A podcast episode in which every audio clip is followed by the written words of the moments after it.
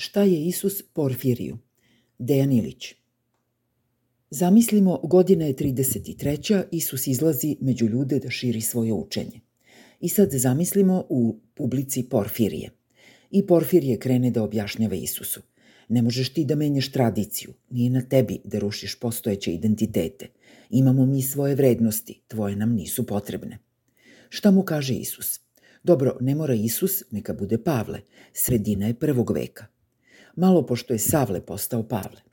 Prilazi mu Porfirije i objašnjava. Ne može se tako menjati identitet i ime. Jednom Savle, zauvek Savle.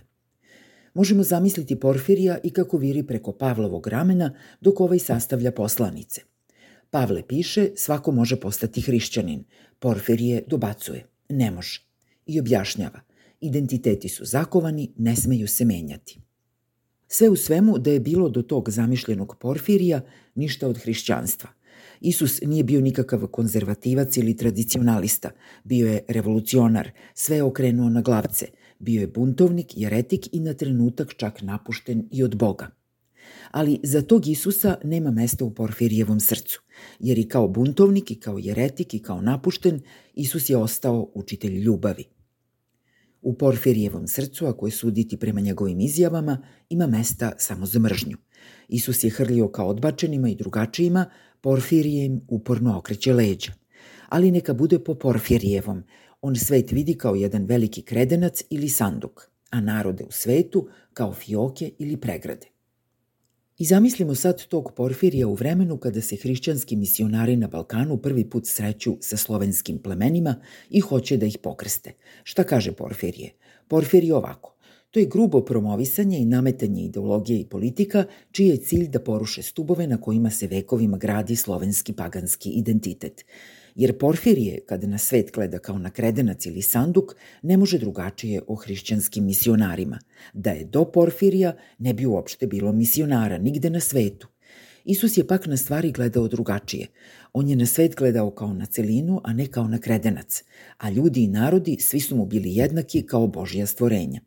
Da nije na svet tako gledao, ne bi mu na pamet palo da ima apostole koji šire njegovo učenje. Da zaključimo, da Porfirije može da se vrati u prošlost, ovakav kakav je, on bi jednostavno ukinuo današnjeg Porfirija. Taj zamišljeni Porfirije radio bi o glavi ovom današnjem. Da je bilo po njemu, danas ne bi bilo Porfirija. Dobro, dosta smo zamišljali, stvarnost nam danas pokazuje samo Porfirija kako nimalo hrišćanski radi o glavama drugih. Pominjali smo ovde strip i seriju Sandman. I u seriji i u stripu ima jedna epizoda San hiljadu mačaka.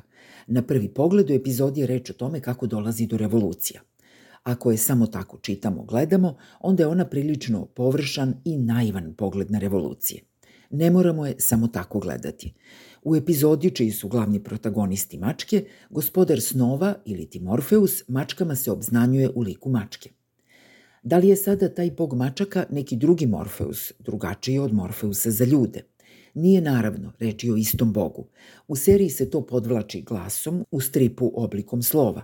I u mačijem i u ljudskom obličju Morfeus progovara glasom Toma Stariđa. U ovoj priči i u seriji hoće se reći da je Bog jedan i isti za sve, ali se svakoj posebnoj zajednici, mačaka ili ljudi svejedno, javlja u obličju koje članovi te zajednice mogu da prepoznaju i prihvate. Pitanje za Porfirija. Imaju li pederi svog boga i da li je taj bog jedan i isti sa Porfirijevim bogom? Šta misli Porfirije? Šta bi na to odgovorio Isus? A šta kaže Porfirije? Porfirije bi morao znati u mnogo slučajeva. Emancipacija potlačenih zajednica počinjala je tako što bi one prigrlile Isusa – Isusa bi prvo doživeli kao člana svoje potlačene zajednice. Kao njen član, on bi davao snagu ostalima da se izbore za sebe, kao i nadu da mogu uspeti. Isus nije stajao kao štit za nepravdu, bio je simbol borbe protiv nepravde. Vidili Porfirije nepravdu kada se drugi i drugačiji od njega zlostavljaju i premlaćuju. A da može da priča s Isusom, šta misli Porfirije, šta bi mu Isus rekao na to što je on, Porfirije, dakle, slep za nepravdu. Porfirije sleže ramenima, ne mari za Isusa, jer za ovdašnje hrišćane Isus kao učitelj mahom nije bitan. Kada se u našim školama postavljaju ciljevi za učenje veronauke, ne kaže se da đaci treba da čitaju evanđelja i razumeju Isusove reči. Naprotiv, precizno se kaže da je cilj nastave veronauke da se deca utvrde u nacionalnom etničkom identitetu.